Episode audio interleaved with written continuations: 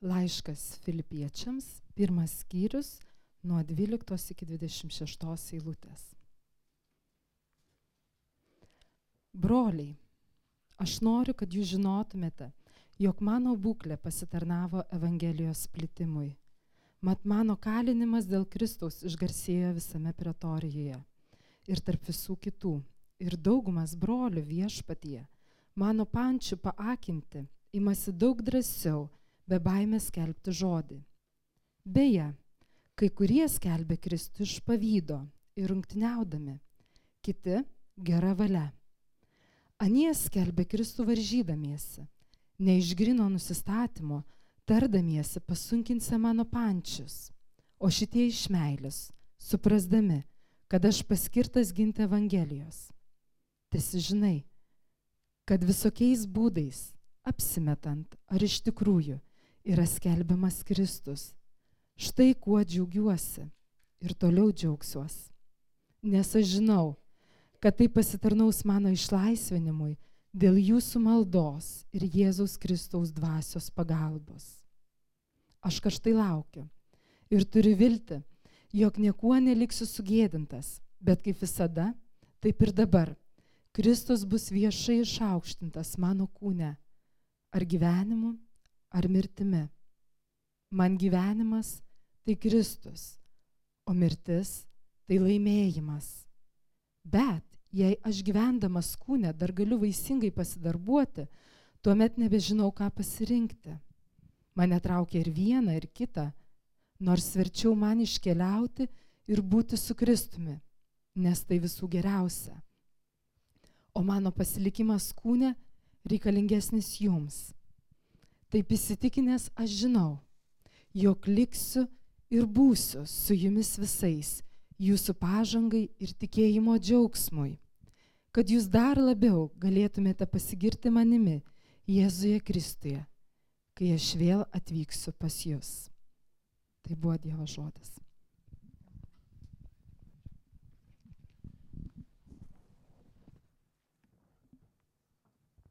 Sveiki gyvi visi, Trumpai dar pasimelskime. Dangiškasis tėvė, mes prašome, kad atvertų mums savo žodį, kad padėtų mums jį suvokti, suprasti, kad jisai kalbėtų mums į širdis, kad jisai skambėtų tarytum iš tavo lūpų viešpatie, apšviesdamas mums gyvenimą, apšviesdamas tavo valią e, ir įgalindamas mus gyventi naują gyvenimą Jėzuje Kristė. To prašom per mūsų viešpatį ir visi sakome Amen.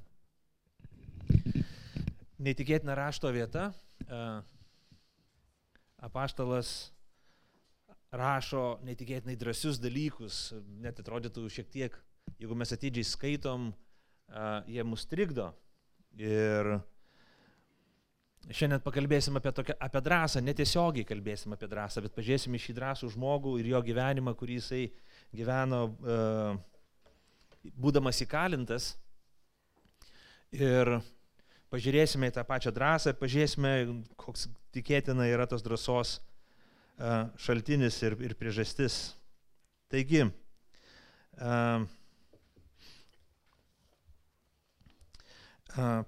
paradoksaliai Paulius kalba apie tai, kad sako, mano būklė pasitarnavo, mano būklė išėjo į gerą. Jis kalba aišku apie kalėjimą, apie įkalinimą. Ir Kristus, e, Paulius, atsiprašau, Paulius yra įkalintas ir jisai rodo, kokį pozityvų žvilgsnį galima turėti, žiūrint į tokias nepalankes aplinkybės. Atrodytų, tai neįtikėtina. Dar jeigu žmogus būtų įkalintas už savo nusikaltimus, bet jisai įkalintas nekaltai, užkalintas už gerą dalyką. Taigi, pasižiūrėkim į pačią drąsą ir kaip apaštalas Paulius skaičiuoja tą naudą, kaip pamato tą naudą. Taigi, žiūrėkit, 13 eilutė parašyta, kad jisai mano kalinimas dėl Kristaus išgarsėjo visame pretorijoje. Ir Paulius kalba, sako, aš, aš esu kalintas dėl Kristaus, dėl tikėjimo, dėl Evangelijos skelbimo, ne dėl įstatymo laužimo, ne dėl to, kad esu žulus, ne dėl to, kad aš pažydžiu kitų žmonių gerovę, visuomenės gerovę ir taip toliau. Paulius skelbia Dievo gerumo Evangeliją. Evangelija yra paprasta žinia. Evangelija sako paprastą dalyką. Mes esame nuodėmingi žmonės, susipykę su Dievu, susipriešinę su juo, bet Dievas atsiuntė savo sūnų Jėzų, kad jisai mirtų už mūsų nuodėmės, būdamas teisus ir nekaltas, mirtų už kaltuosius ir nusidėjusius. Ir dabar kiekvienas, kuris patikės į Jėzų, kuris buvo nukryžiuotas ir prisikėlė iš numirusių, kuris patikės, to nuodėmės bus atleistos ir gyvenimas bus perkeistas. Jis pradės naują gyvenimą, tarytum Dievas nuvalo visą seną gyvenimą, išvalo jo viso jo gyvenimo bylą ir sako, štai, kuriu visą naują, tu turi naują gyvenimą, naują šansą per Jėzų Kristų gyventi Dievui primtiną gyvenimą. Kokia tai neįtikėtina žinia. Jeigu tai tiesa, jeigu Evangelijos žinia yra tiesa, o tai yra tiesa, mes krikščionys tuo įsitikinę, tuomet tai neįtikėtinai gera naujiena. Ir skelbti tą gerą žinią tai reiškia atnešti išvadavimą, laisvę, gerumą kitiems žmonėms. Nėra, geresnio, nėra geresnės žinios, tai geriausia psichoterapija, tai geriausia e, socializacijos mokykla, tai geriausias, geriausia edukacija, aš nežinau, visuomenės perkeitimas. Ir tarnauti šitam aukščiausiam tikslui tiesiog, nu, yra didžiausia darybė. Bet netikėtinas dalykas, kad ši žinia trikdė religinius lyderius tiek iš e, žydų tarpo, tiek ir iš pagonių tarpo. Ir visi, kurie siekia tam tikros naudos, turėjo finansinės naudos iš tam tikrų pigų ritualų, jie kurstė minę valdžią ir tam tikrą visuomenės priešiškumą krikščionybei. Ir, ir įdomus dalykas, kad šviesa sulaukia tokios negatyvios reakcijos, pasipriešinimo. Mes čia turim nepamiršti tokio dalyko, kad e, krikščionybė neskelbia iliuzijos, kad šiame pasaulyje viskas bus fainai, gražu nebebus blogio, pykčio ir taip toliau, kad mes čia visi linksmai, laimingai ir, ir saugiai gyvensim. Ne. Krikščionybė mus palieka realistiniam gyvenime ir pasaulyje ir atskleidžia tokį dalyką, kad visgi šiame pasaulyje išlieka priešiškumas, išlieka kentėjimai, kovos, išlieka konfrontacija. Deja, bet taip yra. Šviesa, viltis, pasikeitimas išneša kažkurių tamsos jėgų pasipriešinimą, gal net ne kažkurių, o visų tamsos jėgų pasipriešinimą. Tai šviesai, tai vilčiai, tam naujam gyvenimui. Jėzus atėjo išvaduoti žmonės iš kalėjimo ir tas senasis kalėjimo viršininkas, kalėjimo sargas, jisai pyksta ir nenori, kad kaliniai būtų išvaduoti, kad vergai gautų laisvę ir atsiranda konfrontacija. Konfrontacija išauga iki tokio lygio, kad kad žmonės susipriešina taip, kad nori vienas kitą įkalinti, kad Paulių nori įkalinti už tai, ką jis daro. Ne tik, kad įkalinti, nori jį nugalabėti ir nužudyti. Kalėjimas Pauliui dažna kartą buvo gyvenimo išgelbėjimas iš įsiutusios minios. Tai Paulius patyrė. Tai patyrė daugybė krikščionių praeitį. Tai patiria krikščionys, broliai ir seserys šiandien visam pasauliu. Kinijai, Rusijai taip pat yra krikščionis, kurie nepriklauso oficialiai bažnyčiai. Persiekimus ir iš, išmėginimus daugelį pasaulio šalių. Ir filipiečiai žinojo, kas tai yra. Prisiminkim, aną kartą Danielius nemažai papasakojo, skaitė iš apaštalų darbų knygos ištrauką, kaip Evangelija atėjo į Filipus. Ir čia netikėtinas dalykas, kad jau skelbiant Evangeliją Filipuose, Paulius buvo įkalintas ir susidūrė su kalėjimu. Tas, kuris prižiūrėjo kalinius, prižiūrėtojas. Jisai vos nenusižudė, bet Paulius skelbiant Evangeliją, papasakant Evangeliją, jis įtikėjo į Kristų ir visų visa šeima buvo pakrikštytas tą pačią naktį. Filipiečių bažnyčia žinojo, kas tai yra išmėginimai, sunkumai, kalėjimas ir panašiai. Tas brolis, mūsų brolis, kuris kalėjime buvo prižiūrėtoju, jis tapo krikščionių bendruomenės dalimi, jisai skaitė tą laišką kartu su kitais broliais ir sesėm. Ir jie žinojo, apie ką kinas, jie žinojo apie priešiškumą, jie žinojo apie tai, kaip tamsa priešinasi šviesai. Ir Pauliaus drąsa, Pauliaus bekompromisiškumas, nesustojimas liūdėti ir skelbti, nepaisant, ar žmonės džiaugiasi tą gerą žinę, ar sako, o, koks faina, kokia gera žinia, Pauliau, ką tu nuostabiai pamokslauji ir skelbi. Tai iš ties viltis, tai keičia mano gyvenimą, tai liečia mano širdį.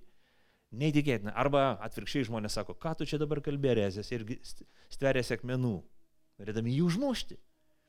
Nepaisant to, Paulius ne, nepriklausomai nuo reakcijų, jisai drąsiai, bekompromisiškai, be nenuilstamai skelbė, ištikimai skelbė Jėzus Kristus Evangeliją. Dėl to jis ir buvo kalinamas.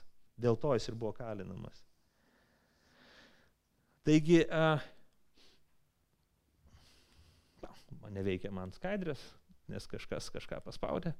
Taigi, žiūrėkim, kokias pamokas mes galim išmokti iš tos naudos. Pirmas dalykas, kad Paulius susiduria su kentėjimais. Paulius, tai kaip mes sakom, Paulius, galiu sakyti, jisai kažkoks unikumas. Ne, ne, ne. Paulius sąmoningai šiek tiek atskleidžia uh, detalių apie save, nes taip kaip gyveno Paulius, taip pašaukta gyventi ir visa bažnyčia.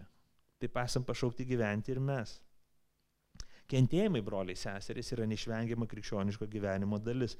Kas nori paveldėti Kristaus dalį, kas nori paveldėti Kristaus šlovę, kas nori uh, patirti tai, kas yra prisikelimo šlovė, kas, patit, kas nori būti su Kristumi, jis turi apsiginkluoti mintim, kad jam teks ištverti pažeminimą kartu su Kristumi. Kristus buvo išaukštintas, bet jo išaukštinimas nebuvo toksai, kaip būna per uh, metinius apdovanojimus kokiam uh, šitom roko grupėm, kai krenta fanfarai, visi šviečia, rašo, nori interviu ir nori daugiau pinigų tau mokėti. Tu tampi geidžiamiausias. Bent jau tais metais. Senos atlikėjas. Ne, Kristaus šlovė buvo priekšta ant kryžiaus. Kai jam uždėjo kryžių, kai jį plakė, kai jį niekino, kai prikalė prie kryžiaus ir kai pakėlė nuo žemės. Evangelija kalba, kad tuomet buvo šlovingiausia valanda. Ir jeigu tu esi krikščionis ir niekad nepatyrėjai, nesupratai, nesuvokiai, neišgyvenai šito šlovės, tu nesupratai dar Evangelijos. Nes ten turėjai būti nukryžiuotas tu.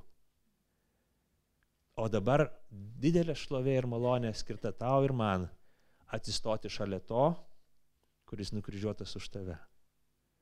Ir jeigu supranti savo nuodėmės gelmę, supranti, kiek daug tamsos yra tavy ir kiek daug Kristų reikėjo už tave sumokėtų laikai garbė būti šalia Kristaus. Kai jo vardas yra niekinamas, kai yra rašomos, piešiamos karikatūros apie krikščionybę, kai, kai mes būnam sugėdinami dėl to, kad esam krikščionis kažkur viešai, draugų, darbuotojų, bendradarbių rate, kai patiriam pažeminimą, atstumimą, dėl to, kad tikim Kristų. Dėl to, kad pažymėti kryžiaus ženklų, dėl to, kad mes stovim šalia nukryžiuoto, dėl to, kad mes nesigėdėm kryžiaus žinios, Evangelijos žinios. Tada mes tampam verti tos malonės, tampam verti Kristaus šlovės. Ir Kristus dar giliau būna mumyse, jis įsišaknyja. Apaštalas mums pateikė puikias pamokas, žiūrėk, žiauri geros pamokos, kurias reikėtų mums įsikalti savo į galvą. Šiandien aš duosiu labai daug dalykų, pasakysiu daug dalykų, čia bus kaip tokia kaimiška puota, daug maisto su neštinio visokio, rūkytų dalykų, ten e, sausainių, piragų, tai jūs tiesiog valgykit visą, kiek turit sveikatos. Taigi žiūrėkime, apaštalas pamoko, kaip mums reikėtų primti kentėjimus, kentėjimus taip, kad mes nebūtumėm bevaisiai, kad mes ne tik tai iškestumėm sunkę dieną, tokie stenėdami, bezdėdami ir kažkaip tai išbūtumėm iki geresnių laikų, iki palūčkės ar ten kažkokio tai paaukštinimo, bet ne, kad mes būdami kentėjimuose atiduotumėm šlovę Dievui ir išeitumėm vaisingi. Tai pirmas dalykas, kad Paulius tam tikrą prasme atsitraukė į šešėlį, patirdamas kentėjimą. Kai jis rašo, jisai nesureikšmino kančios. Nesureikšmino taip, kad pavyzdžiui, sakytų, oi, dabar man taip sunkus laikas, aš dabar nieko negaliu daryti. Man dabar labai sunkus laikas. Žinai, dabar čia nepriėmė manęs niekas. Čia šį kalėjimą apsadinti, aš negaliu dabar, žinai, ne, aš dabar neforma, kad galėčiau kalbėti. Susireikšminės, į save susireikšminės žmogelis. Nugrimzdė savy. Tarnas negali būti. Krikščionis toks negali būti. Mes esame pašaukti būti su Kristumi. Ir Paulius taip nesielgė. Jis nesiekė visų dėmesio. Gailėšio, užuojautų begalinio, ne? Tokio gilinimosi į savo kančią, į savo sunkumą, tos refleksijos, apmąstymų, tas veidas susiraukšlėję tokiom, žinot, specifiniam tokios savigailos tokiom raukšlėm. Ypatingai, kai ateina krikščionių tarpą. Ir toksai daug detalių visokių apie kentėjimą. Oi, žinot, va ten gulėjau ant to gulto ir tada toks šiaurės, kai durė. Kai durė šiaurės visą naktį mane leido užmigti. Niškoju, ieškojau to šiaurę ir negalėjome. Visi čia patiria sunkumus ir tu esi pašauktas tai patirti. Jis nesigilina į juos. Tekstas lakoniškas. Jisai kalba tam, kad padrasintų kitus, bet ne tam, kad iššauktų gailestį savo. Kaip ir minėjau, laišką rašė tiems žmonėms, kurie jau žinojo, kas yra kalėjimas, kuriems žinojo savo bendrams, nes kažkas irgi bus įkalintas, kažkas buvo įkalintas, kažkas dirba kalėjime ir žino dalykus. Ir jis rašo tam, kad padrasintų. Ir jis nekaltino Dievo dėl to, kad iš, ištveria kančią savo gyvenime. Jis nepasidavė tam nusivylimų kupiniems svarstymams. Dieve, kur tu, kur tu, Dieve, tu man žadėjai, aš Bibliją skaitau, čia yra taip, o dabar mano gyvenime be ryšio. Ir panašiai. Kodėl jis tai leidžia mano gyvenime? Dieve, kodėl tu man leidži tai mano gyvenime įvykti? Paulius tokios desperacijos, ne, tokia desperacija nepasiduoda. Ir jin, jin turi dalį mūsų maldos gyvenime. Jin turi dalį mūsų santykėje su Dievu. Viskas tvarkoj, bet tai neturi būti mūsų vizitinė kortelė. Paulius rodo, kaip mes turėtume įveikti savo kentėjimus. Jis nepasiduoda savigailai, tokiam kartėliui. Aš nebereikalingas. Visi mane užmiršo. Gumulų gerklai tokį, vat, tokį pamaldų, raudulingą balsą, tokį kaip, kaip per, per, per laidotuvės, kai o, dainuojam. Kiek turėjau idėjų, kiek dar norėta nuveikti man gyvenime gražių dalykų ir va, va viskas, kai baigėsi, niekam nebereikalingas esu. Kas yra gyvenimo centre? Aš esu gyvenimo centre, o ne viešpats. Paulius net nemastė taip, kad tai yra kapitulacija, viskas, viso, velnio darbas, jis nugalėjo, pasiekė, ko norėjo. Aš grūmiausi, biški prasileidau, gavau ir viso. Jis laimėjo, velnės laimėjo šitoje situacijoje. Ne, Paulius taip nemastė. Žiūrėkit, jis, jis kaip, kaip jis mąstė, kad jisai toliau, toliau liko tarnyboj. 17 eilutė sako, ginti ir įtvirtinti Evangelijos. Labai gražiai yra Alekas Motiera pasakęs, užrašęs, didysis pasiuntinys, apaštalas Paulius, prarado laisvę kad galėtų keliauti sausumą ir jūrą ir skelbtų gerąją naujieną. Bet jis nenustojo būti pasiuntiniu. Pasikeitė jo pasiuntinystės forma, bet ne, ne jo tikslas ir paskirtis. Paulius žinojo, kad jisai pašauktas liūdyti apie Kristų, skelbti jo žodį ir sako, okei, okay, aš dabar kalėjime. Ha, reiškia, aš čia skelbsiu Evangeliją ir liūdysiu gerą žinią. Ir jo kalinimas tuo būdu tapo naudingas Evangelijai. Čia neįtikėtinai. Antras dalykas skaidrėje paminėtas. Žiūrėkit, sako tai, kad kur čia ta mūsų 13 eilutė, mat mano kalinimas dėl Kristaus išgarsėjo visame pretorė ir tarp visų kitų. Taigi žiūrėkim, pretorijus tai yra e, elitinių kareivių, elitinių Romos kareivių kareivinės, jie būdavo atrinkti ir labai sunku būdavo patekti tą, tas elitinės, tą, tą elitinę kariuomenę, jie gaudavo dvigubai didesnį atlyginimą, specialias užduotis ir taip toliau. Dažniausiai turėdavo specialius kalinius saugoti, viena, viena iš užduočių, tuos, kuriuos teisdavo imperatoriaus teisme, tai būdavo ypatingo, ypatingo rango kariai.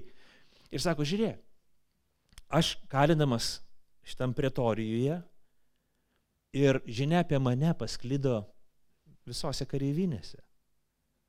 Ei, aš turiu galimybę dabar pasakoti visiems kariam. Jie būna 24 valandas, 7 dienas per savaitę su manim, ką aš darau, aš papasakoju. Tiesiog kažkuriais gyvenimo etapais, mes nežinom tiksliai, kuris čia kalinimas Pauliaus yra, kažkuriais gyvenimo etapais greičiausiai buvo surakintas su kitu, su kitu uh, kareiviu. Tai tu ir pasakoji, tai jis klausė, nu tai ką tu čia, tai ko čia dabar, tai ką čia pridirbai, ko čia atėjo tas žmogus pas tave. Jis ir pasakoja, skelbia Jėzaus Kristaus Evangeliją, neįtikėtinas dalykas. Paulius sako, gyvenimo aplinkybės pasikeitė, misija ne. Aš toliau darau tai, ką turiu daryti, geresnės progos ir nėra. Kaip pasieksi tuos karius, jei nebūdamas su jais kareivinėse? Kaip su jais pateksi kareivinės? Tapsi kariu arba kaliniu. Paulius nebuvo pašalas būti kariu, bet kaliniu buvo. Taigi, žiūrėkime, Tokiu būdu Dievo Evangelija pasiekė e, kareivius, noriu sakyti, kalinius, kažkuriais momentais ir pačius kalinius pasiekdavo per Paulių kalinti kalėjime. Pasiekė žmonės ten taip, kaip jų negalėjo pasiekti niekaip kitaip Evangelijos žinia. Uh, kitas dalykas, kad tai padrasino kitų žmonių drąsą. Kad uh, 14 eilutė, daug, ir daugumas brolių viešpatie mano pančių pakinti imasi daug drąsiau ir be baimės skelbti žodį. Čia įdomus daiktas, kad kai, kad kai mato Paulių sėdinti kalėjime, galvo, nu dabar viskas, tokia pauzė, visi nutyla ir no comments, niekas nekomentuoja, galvo, kas čia dabar bus. Viskas, krikščionybė krachas. Ta visa bažnyčia tuo išsilakstys. Ir visi taip sulaukia kvapą, galvoja, kas per čia vyks. Bet jie gauna žinių iš Pauliaus, jie išgirsta mieste turguje, kad, e, kad kareiviai, pirkdami maistą, ten kažką darydami, jie pasakoja vienas kitam apie Evangeliją, kurią išgirdo iš kalinio. Arba aplanko Paulių ir girdi, kad jisai pasakoja, jog vienam, antram, trečiam, penktam kareiviui jisai liūdė Evangeliją. Ir mokiniai sako, wow, čia neįtikėtina. Kamo, jeigu jisai gali tai padaryti, jeigu jisai atrodytų būdamas sugniuždytas, gali būti, kad net gyvas neištruks iš kalėjimo, bet be baimės kelbė Evangeliją, be baimės. Nes dėl Evangelijos, prisiminkim, dėl Evangelijos jisai buvo įkalintas ir sako, net jeigu man tai kainuos gyvybę, aš ne, nenustosiu būti paštalu. Kiti broliai sako, ei vyrai, negalim kitaip elgtis. Mes taip pat turim skelbti Evangeliją, nes mes visi esam pašaukti liūdyti, ką Kristus padarė dėl mūsų. Ir, ir, ir bažnyčia įsikvėpia. Neįtikėtina. Matydami lyderį, kuris nepasiduoda, nesugniuždamas, nesulaužomas, bet ištikimai tarnauja Kristui, kiti broliai, kit, kitos sesės yra padrasinami toliau tarnauti viešpačiu, jų rankos sutvirtinamos, jų širdis yra padrasinamos, jie yra nukreipiami tinkamai primti išmėginimų savo gyvenime. Ir nebesibaiminti nieko, nebijoti tų išmėginimų, kurie, kurie ištinka mūsų gyvenime. Žiūrėkit, čia labai svarbu suvokti dar vieną dalyką. Dievo visagalybės pamoką. Jis valdo, Dievas valdo mūsų gyvenimą. Aš taip įsitikinęs esu, kad visos mūsų gyvenimo aplinkybės Jeigu mes esam krikščionis, jeigu mes savo gyvenimą pavedam Jėzui Kristui, visos mūsų gyvenimo aplinkybės yra Dievo išmintingo Dievo, geranoriško mums Dievo, mūsų Jėzu, atpirkėjo Jėzaus Kristaus ir Dievo tėvo rankose. Ir nieks nenutinka mūsų gyvenime, jam nežinant ir neleidus. Čia tas pats Alekas Motija, aš jį pacituosiu keletą kartų šiandien. Sako, kai Kristus Paulius sujungė su savimi, tuomet jis Paulius sujungė su Dievo planu, dėl kurio Paulius turėjo patekti į kalėjimą. Viskas. Sako, tu dabar manijesi, dabar mano, pagal mano planą tu pateksi ten. Tai įvyks tavo gyvenime dėl aukštesnio tikslo, dėl didesnės prasmės. Ir nėra situacijų, kuri Dievas nekontroliuotų. Štai kodėl Paulius prieš tai, žiūrėkit, pirmos skyrių šeštojo lūtai, pasižiūrėkite į raštą. Paulius sako, esu tikras, kad tas, kuris jumise pradėjo gerą darbą, jį ir pabaigs iki Jėzaus Kristaus dienos. Tas užtikrintumas Dievo veikimu krikščionių gyvenime, visose aplinkybėse ir už jų pats Dievas veikia, mums nežinant, jis veikia mūsų gyvenime taip, kad mumyse kažką padarytų ir per mus kažką padarytų. Jisai kaip puodžius, kuris lipdo mūsų gyvenimus. Jis kaip kuriejas, kuris kuria, kuris formuoja mus, kuris nori kažką padaryti mumyse, pakeisti kažką mumyse. Bet lygiai taip pat jisai nori mus naudoti savo garbį ir savo šloviai. Jis nori parodyti, kad mes ne, negalim kontroliuoti viso savo gyvenimo, kaip mes turime iliuzijų įsivaizdavimų. Kita vertus, jisai gali mus panaudoti taip, kaip mes net neįsivaizduosim, kaip tai gali įvykti. Štai, pavyzdžiui, Paulius, kiek mes žinom, jisai kiek buvo kalėjimuose, kiek prašyta e, apaštal darbų knygui, jis sutiko aukštus valdytojus, būdamas įkalintas. Feliksą, apaštal darbų knygoje prašyta, Festą, paskui sutinka karalių Agripą, jis, pri... skaitom, kad jisai sutinka prižiūrėtų žemesnio rango žmonės, ne, karius. Ir kas neprašyta šventam rašte, bet mums labai tikėtina, nes mes manome, kad du Pauliaus kalėjimai buvo Romoje jis sutiko ir imperatorių, nes jo teismės turėjo būti teisiamas. Jį jis keliavo į Romą. Tuo baigėsi apaštalų darbų knyga, bet mes žinom, kad dar po apaštalų darbų knygos dar yra kiti, kiti tekstai, kaip pirmas, antras Timotiejui. Taigi, žiūrėkim, Pauliui atsiveria daugybė galimybių pasakoti ir liudyti tokio aukšto rango arba tokių išskirtinių uh, privilegijų žmonėms kaip kariams, valdytojams, karaliams ar net imperatoriui. Papasakoti, kodėl jis kalina. Atskleisti Evangeliją. Liūdyti, pasitarnauti Dievo garbiai ir šloviai. Čia mums turėtų būti didelis padrasinimas, broliai seserys, savo gyvenimo aplinkybės, ne tik matyti, kad velnė čia mums kažką daro gyve, kauti su velniu, nes gali būti, kad mes kaunamės ne su velniu, bet su Dievu, kuris nori kažką padaryti mūsų gyvenime. Nepalankios aplinkybės mus ką skatina būti nuolankesniais, ieškoti Dievo, žemintis, kaip, kaip tam augalui sausros metu leisti šaknis gilin, kad atrastumėm gyvybės versmę patį Dievą, nes gerovė mus, mus išlepina, gerovė mus skatina į puikybę ir taip toliau. Gerovė didesnis išmėginimas negu sunkumas. Dėl to sunkumo metu mes turėtum sakyti, viešpatė, ką tu nori daryti, aš kabinuosi tave, aš, aš noriu nusimesti visas, vis, visus, visas paikybės, kurios prilipė prie mano širdies ir noriu atrinkti, kur yra grūdas, kur yra pelai, pelus pūsti lauk, o grūdo laikytis ir saugotis, saugoti savo širdį. Taigi, jeigu esame Jėzuje Kristui, jeigu mes patikėjom Jėzų Kristų, jeigu jam pavedėm savo gyvenimą, jeigu, jeigu mes pasakėm, Kristų, būk mano viešpats ir mes patyrėm, kad jis yra mūsų viešpats ir tėvas, mes, mes galime atrasti jame neįtikėtiną saugumą, saugumo pojūtį kad mes esam Dievo rankose. Nepaisant to, kas vyksta aplinkui, nepaisant to, kas vyksta. Kokia ekonomika, kokie socialiniai, politiniai neramumai, nestabilumai egzistuoja. Kokia karo grėsmė reali ir tikroviškai yra mums. Kokia mūsų silpna sveikata, nepaisant to, kokios neužtikrintos aplinkybės ir miglota tavo ateitis yra. Jeigu tu pavėdėjai savo gyvenimą Jėzui Kristui tu gali būti saugus ir pasitikėti juo. Kad viskas išeis į gerą tiems, kas Dievą myli. Jis pradėjo darbą tavy, ne tu pradėjai darbą savy. Jis ir pabaigs. Tavo darbas yra kristi jo rankas ir pasitikėti jo, sakyti viešpatė Jėzau, į tavo rankas aš pavedžiau savo likimą, tavim pasitikiu ir toliau.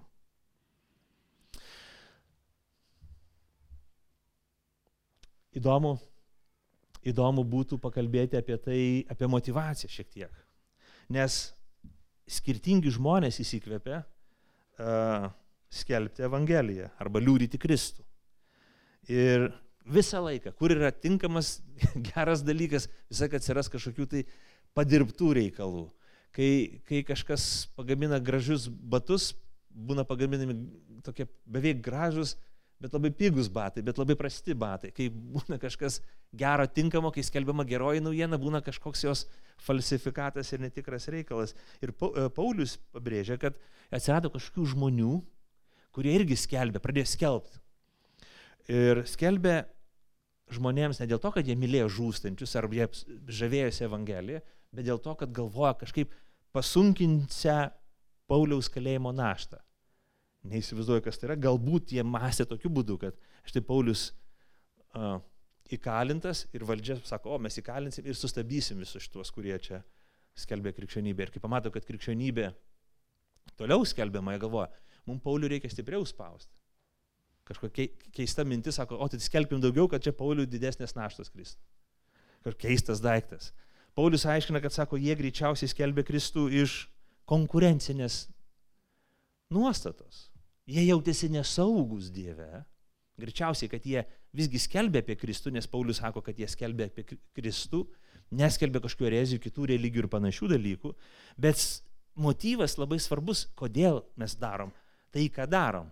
Kas mus skatina daryti tai, ką mes darom. Ir jeigu mes netrandam saugumo Kristuje, tokio saugumo, kad vis mus priemė, mes esam saugus.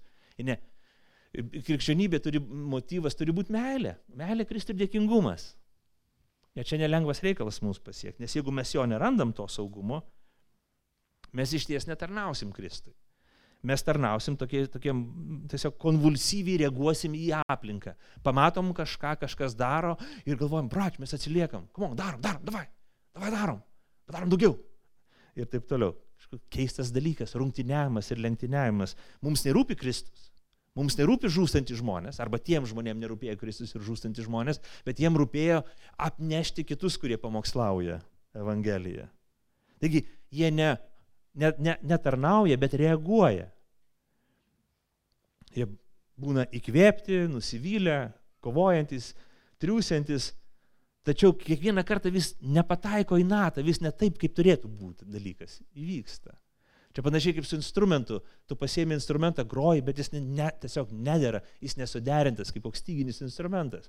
Groja brlink, brlink, kažkoks, kažkoks vėlas kažkas tenai braukia per vėlas ir toks baisus garsas, kuris trikdo. Arba orkestras, kuris nesusigrojęs. Vieną kartą buvo e, mokslo metų šventė ir aš ėjau pro vieną mokyklą ir mokykla greičiausiai turėjo jau kažkokį orkestriuką Ir rugsėjo pirmąjį tas orkestriukas groja visai susirinkusiai bendruomenį, bet ne, ne gegužės pabaigoje, kai vaikai susigroja biškai ir jau kažkur tai jau beveik formą pagauna, bet rugsėjo pirmąjį, kai jie atvarė porą valandų gal ar ten porą dienų prieš, prieš tą rugsėjo pirmąją ir grojo.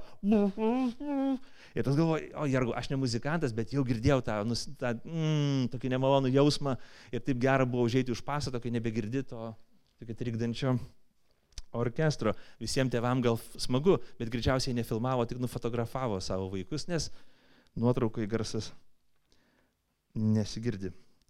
Tai lygiai panašiai būna ta tarnystė, kuri, kurią mes atliekam ne iš teisingo motyvo, mes iš, iš konkurencijos, iš nesaugumo, iš rungtyniavimo. Ir tai Kristuje visai netinka. Tai Kristuje visai netinka. Ir, ir Paulius tai pastebi, sako, yra tokių žmonių. Jie trikdo jie atneša sumaištį ir taip toliau. Ir čia aš sakyčiau taip, žiūrėkit, aš laikausi, čia mano nuomonė, aš laikausi savo atžvilgiu, aš manau, kad tai yra gili krikščioniška ir psichologinė išvalga, kad nei vienas iš mūsų neturim iki galo tyro motyvo, nei vienas iš mūsų, nei vienas. Dėl to, kai matau žmogų, kuris turi netyrą motyvą, aš sakau, mano brolis, toks kaip aš.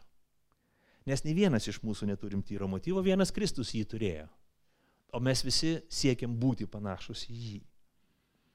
Visuomet mūsų motyvai yra kaip toks sudrumzlintas vanduo, toks ne, ne, nešvarus. Mes kartais galvojam, kad mūsų motyvai yra tokie kaip uh, krištolinis kaln, kalnų upelis vanduo. Aš tai darau iš meilės, dariau iš meilės Kristui ir šitai bažnyčiai. Laukia gal, nu jo, ir Ir tada yra kažkoks kaltinimų ir ten nuoskaudų krūva. A, kamo, tikrai iš meilės Kristui.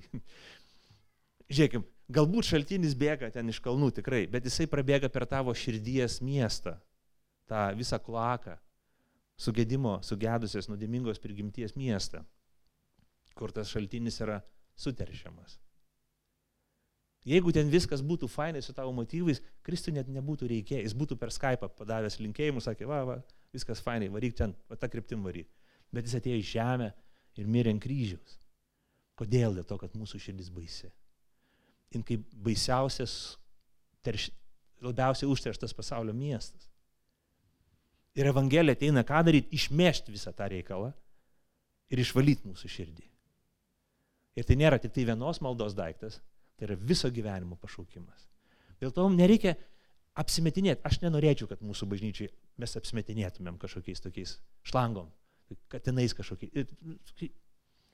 Man nepatinka. Ką mums čia dabar kurti įvaizdį, kad mes esame šventesni, tauresni ir taip toliau.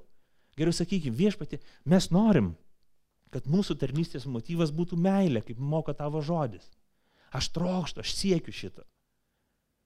Bet viešpatė, aš esu atviras, kad tu apvalytum mano širdį. Ir kai tu mane apšvieti, aš noriu būti atviras, sakyti, taip viešpatė, atleis man už tai, kad aš turiu įvairiausių priemaišų savo širdį. Mes suklumpam arba priklaupiam ant kelių ir sakom, viešpatė atleisk, viešpatė valyk, viešpatė išim tuos dalykus, tuos krislus, išim tą dumblą iš mano širdies ir ištyrink mano širdį. Tuomet viešpats keičia. Taigi, kaip ir Paulius moko Timotiejui, sako, įsakymo tikslas yra meilė iš tyro širdies. Šitie iš meilės, 17 eilutė sako, iš meilės, kiti skelbia iš meilės, iš tyro motyvo. Taigi, brangieji, siekim, kad mūsų motyvas būtų meilė. Meilė. Meilė Kristui. Meilė nereikia atlygio. Meilė nereikia pėdestalų, meilė nereikia ferverkų, meilė nereikia scenos, meilė nereikia fanfarų, meilė nereikia išaukštinimo ir, ir, nežinau, atlygio. Meilės atlygis yra buvimas su Kristumi. Meilės alga yra, yra tiesiog galimybė stovėti šalia nukryžiuotojo ir sakyti ačiū tau už tai, ką tu padarėjai. Ir tada, kai ta meilė yra tokia, tada mes, mes būnam be kartėlio. Ir dėl to, žiūrėkim, čia dar, dar, dar dalykas svarbus. Paulius 18 lūtė sako, tiesi žinai, yra vienokių žmonių, kitokių, vienaip skelbia, kitaip skelbia, apie Kristų pabrėžiu, ne šiaip kokias keistas idėjas, kad visokiausiais būdais apsimetant ar iš tikrųjų yra skelbiamas Kristus, štai kuo džiaugiuosi ir toliau džiaugsiuosi.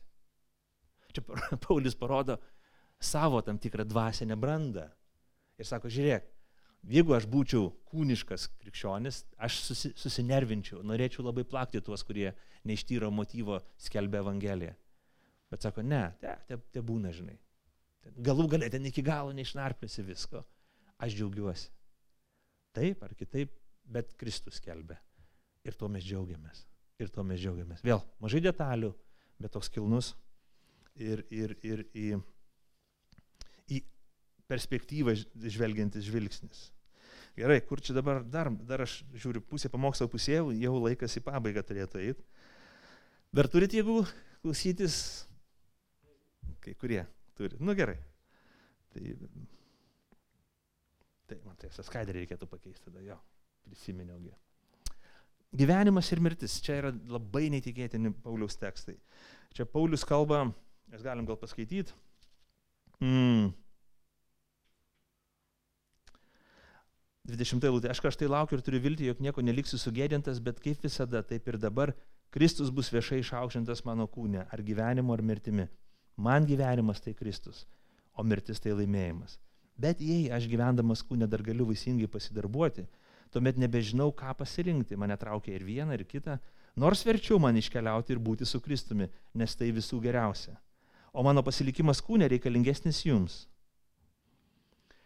Taip įsitikinęs, aš žinau, kad liksiu ir būsiu su jumis visais jūsų pažangai ir tikėjimo džiaugsmai, kad jūs dar labiau galėtumėte pasigirti manimi Jėzuje Kristuje, kai aš vėl atvyksiu pas jūs. Jeigu mes skaitom atidžiai šitą tekstą, jis turėtų tik bum, šiek tiek mūsų sutrikdyti, kas čia vyksta su Paulium. Ar tu potrauminio streso sindromas, ar kas vyksta su juo, psichinis išsiekimas. Uh, kaip jis taip neįtikėtinai ir drastiškai svarsto apie tokius, o nežinau, ką pasirinkti. Gyvenimas mirti, nu čia, mm, šiaip tai mirtis geriausia būtų. Numeriai ir viso kaip fainai, kaip liuks, kaip gerai, žinai. Bet gyventi irgi čia yra tokių privalumų. Mm. Dėl to nežinau, kaip čia pasirinkti. Nu gerai, gerai, gyvensiu, gyvensiu. Žiūri čia jūs visus ir galvoju, pagyvensiu darbiški. Ir su kažkuo galvoju negerai, tu galvoji, įsignypsi ir performances, kaip kokiam teatre jautiesi šiek tiek. Ne? Prisiminkim, kad tai krikščionės svarstymas. Pirmas dalykas, tai krikščionės svarstymas. Krikščionės tai svarsto.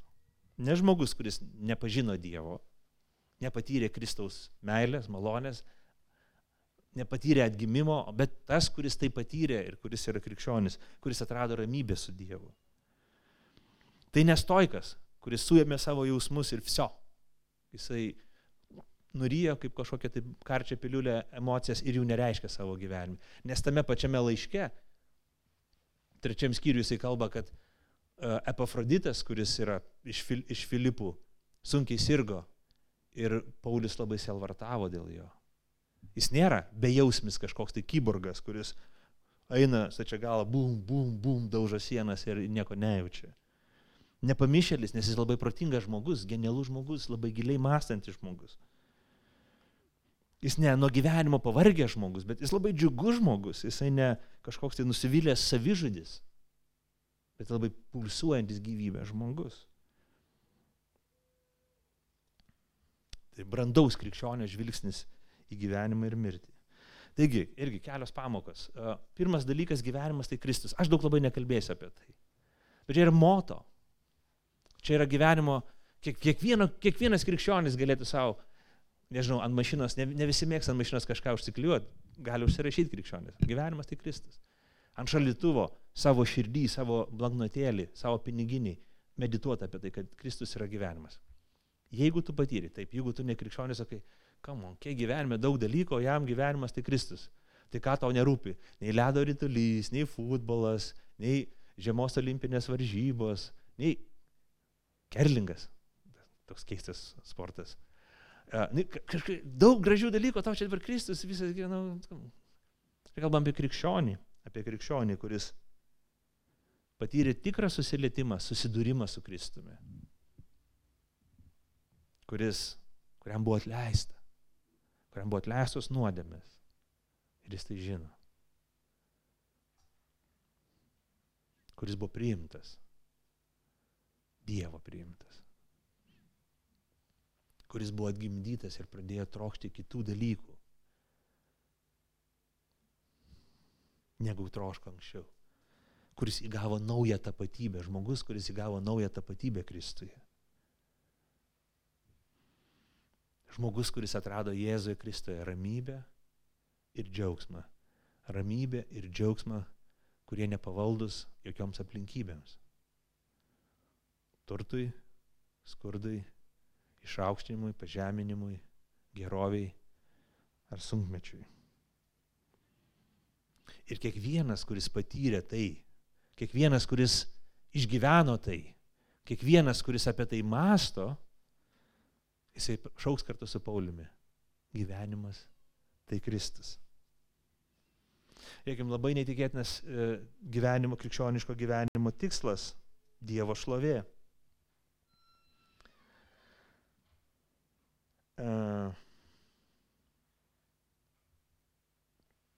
Žiūrėk, 20 eilutė. Aš karštai laukiu ir turiu viltį, jog nieko neliksiu sugėdintas, bet kaip visada, taip ir dabar Kristus bus viešai išaukštintas mano kūne, gyvenimu ar mirtimi.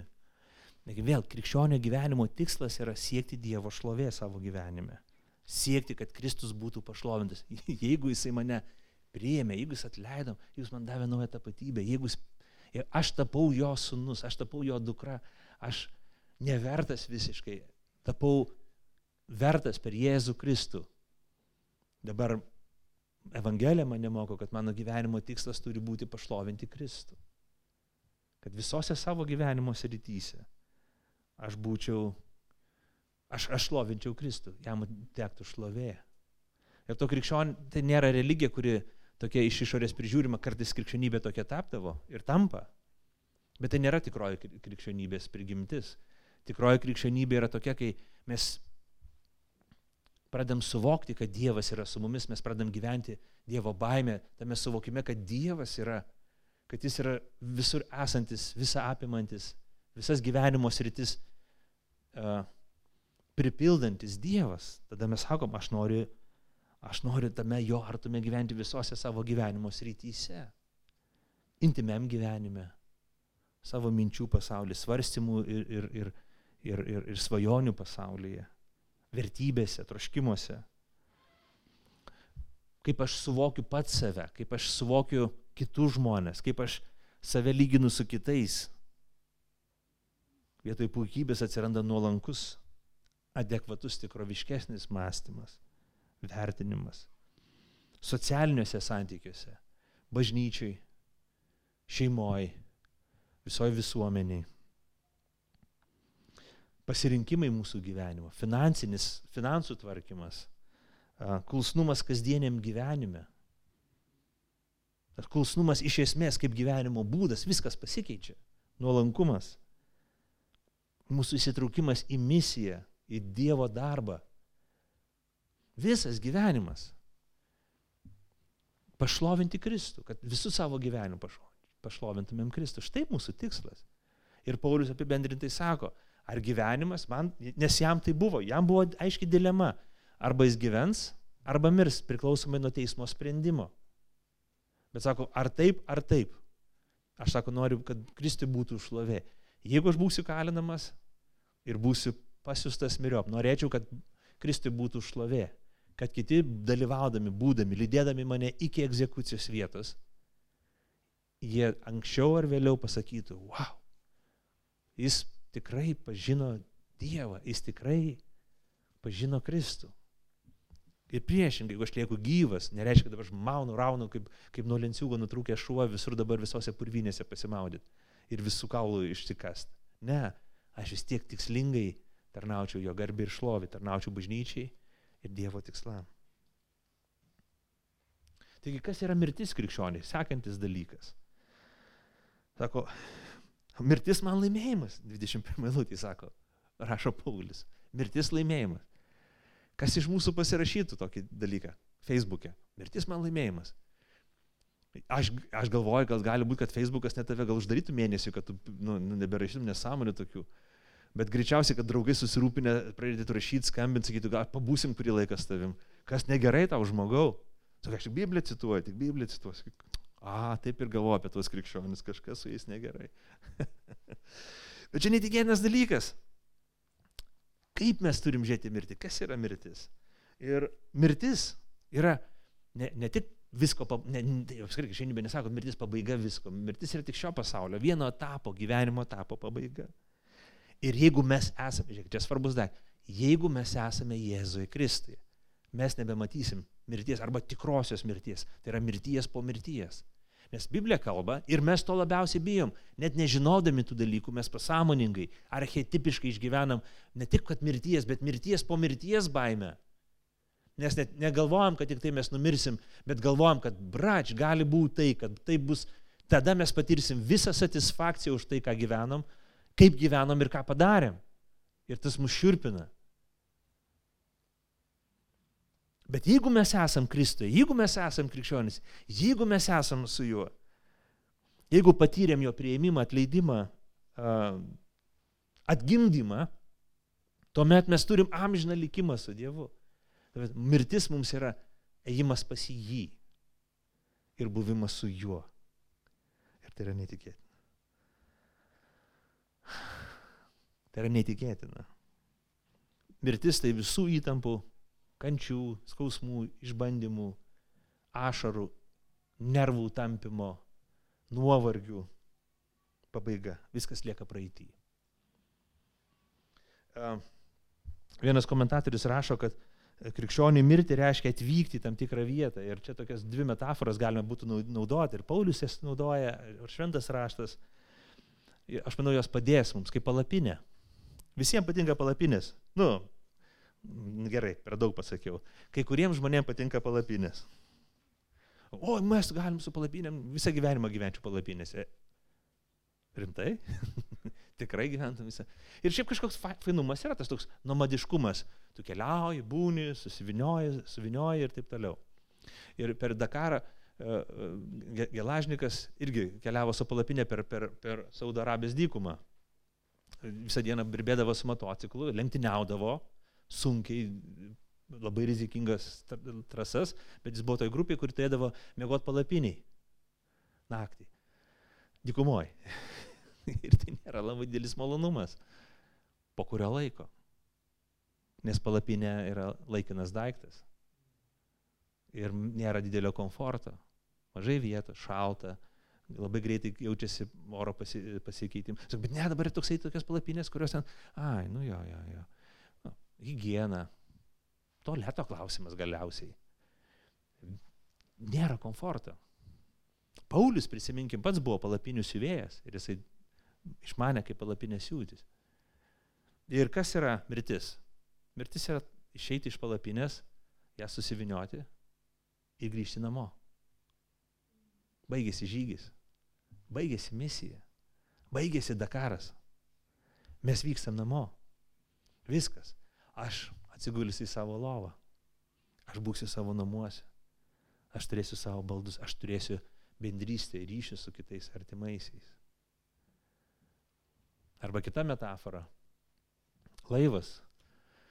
Kelionė. Mes gyvenime esame kaip kelioniai. Plaukdami laivu, jūrai, kitam kažkam telkinį. Ir Ir kelionė, jo, sakys, o kaip fainai, aš, aš, aš, man labai patinka kelionė. Ar tikrai, jeigu užtruktų 20 metų tą kelionę. Pažiūrėkime tos žmonės, kurie, kurie išplaukia, kur nuplodiriuoja ten, Bermudų trikampyje. Nuplodiriuoja, kur nors ten vyksta kažkokia audra ir ten paskui atranda juos po 40 dienų, kaip jie atrodo apžėlė baisiau ne, negu aš, akis paklaikusios, jie žmonių išbadėję, netekę kažkokių daiktų, ten, ten svorė nudegę būna dėl maisto stokos, jie būna išbadėję, jos reikia atgaivinti, kad jie galėtų gyventi normalų gyvenimą, kaip patyrė traumas ir taip toliau. Gyvenimas yra sunkus ir sudėtingas, kai mes galvojam, kad gyvenimas tik tai fainas. Kuo ilgesnis gyvenimas, tuo sudėtingesnis. Kuo ilgiau gyveni, daug daugiau kančių patiri, daugiau skausmo patiri. Ir mirti tai reiškia grįžti į uostą, kuriame tavęs laukia. Mirti reiškia grįžti pas tą, kuris tave įsadino į šį laivą ir skiria užduotį. Jeigu tu esi krikščionis, jeigu tu susitaikė su Dievu, jeigu ne, tada, tada yra mistika, tada yra rūkas ir tu nežinai, kas tavęs laukia. Bet krikščionis žino, kas laukia. Jie grįžta į uostą ir ten jų laukia. Ten yra draugiškos akis, draugiški į glėbį priimantis žmonių žvilgsniai ir kūno kalba. Ir jie meta virves. Arba laukia tavo virvių, kol tu numesi ir pritrauks tave prie kranto. Ir kai tu galėsi išeiti į krantą. Mirtis neturi būti baisi krikščioniai. Mirtis yra kitas gyvenimas. Mirtis yra vieta, kur mes nebe, nebekentėsim, kur ilsėsimės.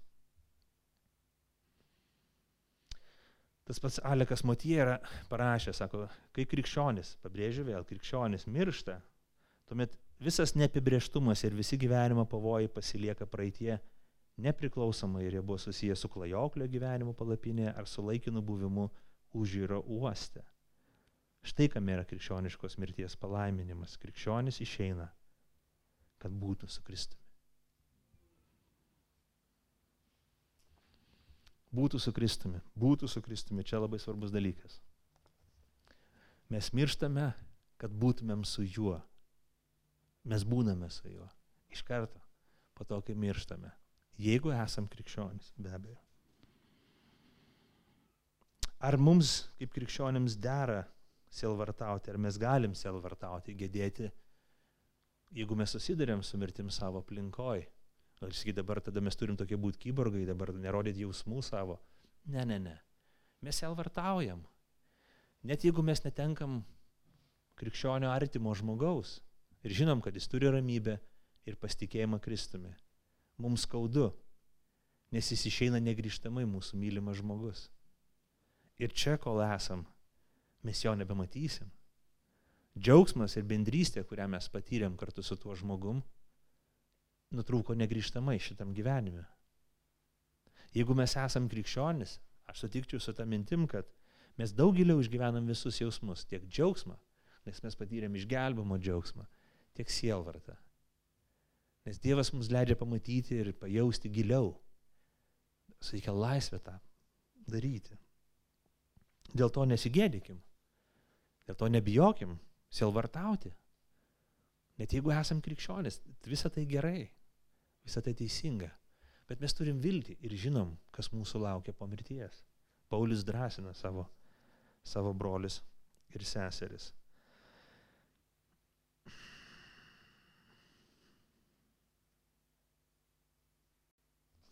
Gerai, aš tada kokias pamokas, kelios pamokas, gerai, keturios pamokas yra, kurias norėčiau akcentuoti, bet jūs gal išsinešit savas, bet aš vis tiek galvoju, akcentuosiu jas. Taip, Bet prieš tai pirmas dalykas. Sakai, okei, okay, tu, tu ramūnai visą laiką pabrėži tokį dalyką. Jei tu esi krikščionis, jei tu esi krikščionis, jei tu esi krikščionis. Ir sakai, aš nežinau. Ar sakai, aš krikščionis, bet aš nežinau, ar aš taip pat mastau, ar aš turiu tokią ramybę, ar aš turiu tokį saugumą. Tai aš, aš sakyčiau paprastą dalyką. Jeigu tu neturi užtikrintumo, kad Jėzus Kristus mirė už tave, jeigu neturi užtikrintumo, kad kad tavo nuodėmės atleistos ir jeigu dabar va štai mirtum, tu keliauji pas Dievą ir turi amžinai gyvenimą, aš kviečiu šauktis Dievo, melstis Jo, nebestabdyti, perženk Rubikoną, perženk tą upelį, perženk savo išdidumą, perženk kažkaip nežinau, patikėk Evangeliją. Ir aš kviečiu dabar, tiesiog dabar, melskis mintysė paskui mane, dangiškasis tėve. Aš savo atvirą širdim noriu priimti Evangelijos žinę. Evangelija skelbė, kad aš nusidėjau. Dėl to aš atgailauju. Bet Evangelija skelbė, kad Kristus mirė už mano nuodėmės ant kryžiaus. Dėl to aš tikiu tuo. išpažįstu tai ir prašau, kad tu Dieve atleistum per Jėzų Kristų mano nuodėmes. Atgimdyk mano širdį, mano sielą, mano protą, naujam gyvenimui su tavim. Pripildyk mane šventąją dvasę. Primk mane į savo šeimą per Jėzų ir ves mane savo šventąją dvasę per visas mano gyvenimo dienas. Amen. Dievas duos tą užtikrintumą. Dievas veikia mūsų gyvenime. Kas patikės ir išpažins, tas bus atgimdytas ir perkeistas. Tai labai svarbu. Keturios pamokas. Greit, aš jau baigiu. Uh, atras drąso šaltinį. Mes žiūrėjome, apie, žiūrėjome į Paulių, kuris kalėjime, kuris tiesiog neįtikėtinai drąsus žmogus. Jis įdrasina kitus. Šį antradienį Rusijai kalindamas Navalnas kalbėjo kalbą teisme, kalėjimais, buvo teisiamas dar vieną ten kažkokią bylą ir taip toliau. Ir visi sulaikė kvapą, galvoja, kaip dabar bus. Tas opozicijos lyderis kali vienam baisiausių Rusijos kalėjimų ir ką jis pasakys. Ir jis atsistojęs, pasakė ten daug žodžių, bus sunku klausytis tų žodžių. Ir sako, aš nebijau nieko, aš nebijau. Aš nebijau to, jis išvardina sąrašą. Ir sako, kviečiu, nes ten žinojo, kad kažkokiam būti yra kamera, kuri transliuoja. Aš sako, kviečiu ir jūs nebijoti. Broliai sesės, pažink tą, kuris yra drąso šaltinis Kristų. Pažink jį. Siek jį pažinti. Siek su juo kasdien gyventi. Būti su juo. Tau ne, ne, nesakoma niekad, būk drąsus tiesiog. Net, iš kur tu tos drąsos turėsi. Bet pažink tą, kuris yra drąsos šaltinis. Pažink Kristų, būk su juo. Tegu bendrystė su juo tave, tave guodžia, tave stiprina, tave moko ir veikia tave. Antras dalykas, siekim drąsos būti drąsus jau po to, kai bendraujam su Kristumi, asmeniniam savo gyvenime ir bendruomeniai. Kaip tai pasireiškia? Skelbiant Evangeliją, būnant Evangelijos liudytojais tiek savo gyvenime, tiek bendruomeniai. Siekti, kad Kristus būtų pašlovintas. Tai reiškia, aš gyvenu taip, kad Jėzus būtų pašlovintas. Aš bendrauju taip, kad Jėzus būtų pašlovintas. Aš dirbu taip, kad Jėzus būtų pašlovintas. Aš vaikus auginu taip, kad Jėzus būtų pašlovintas. Aš savo namus susitvarkau taip, kad Jėzus būtų pašlovintas. Aš indus išsiplaunu taip, kad Jėzus būtų pašlovintas. Aš koinės siūnu taip, kad Jėzus būtų pašlovintas.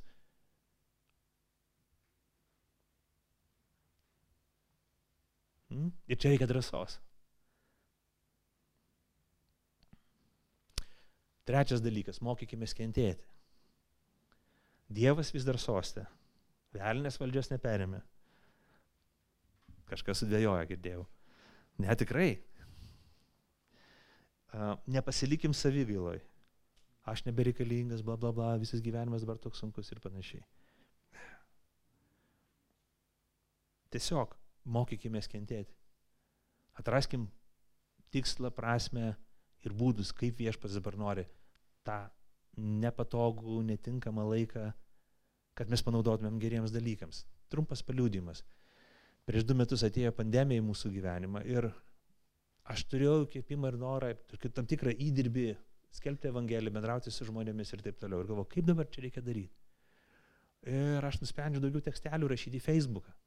Aš jų parašiau ne dešimtis, bet šimtus mažų tekstelių, kuriais galvoju, o, aš surakintas, negaliu su kažkuo bendrauti, bet aš galiu į tą kibernetinę gorą, į tą kibernetinę erdvę, aš galiu rašyti ir žmonės gali skaityti ir būti padrasinti. Ir tai pasitarnavo mano paties ūkdymui.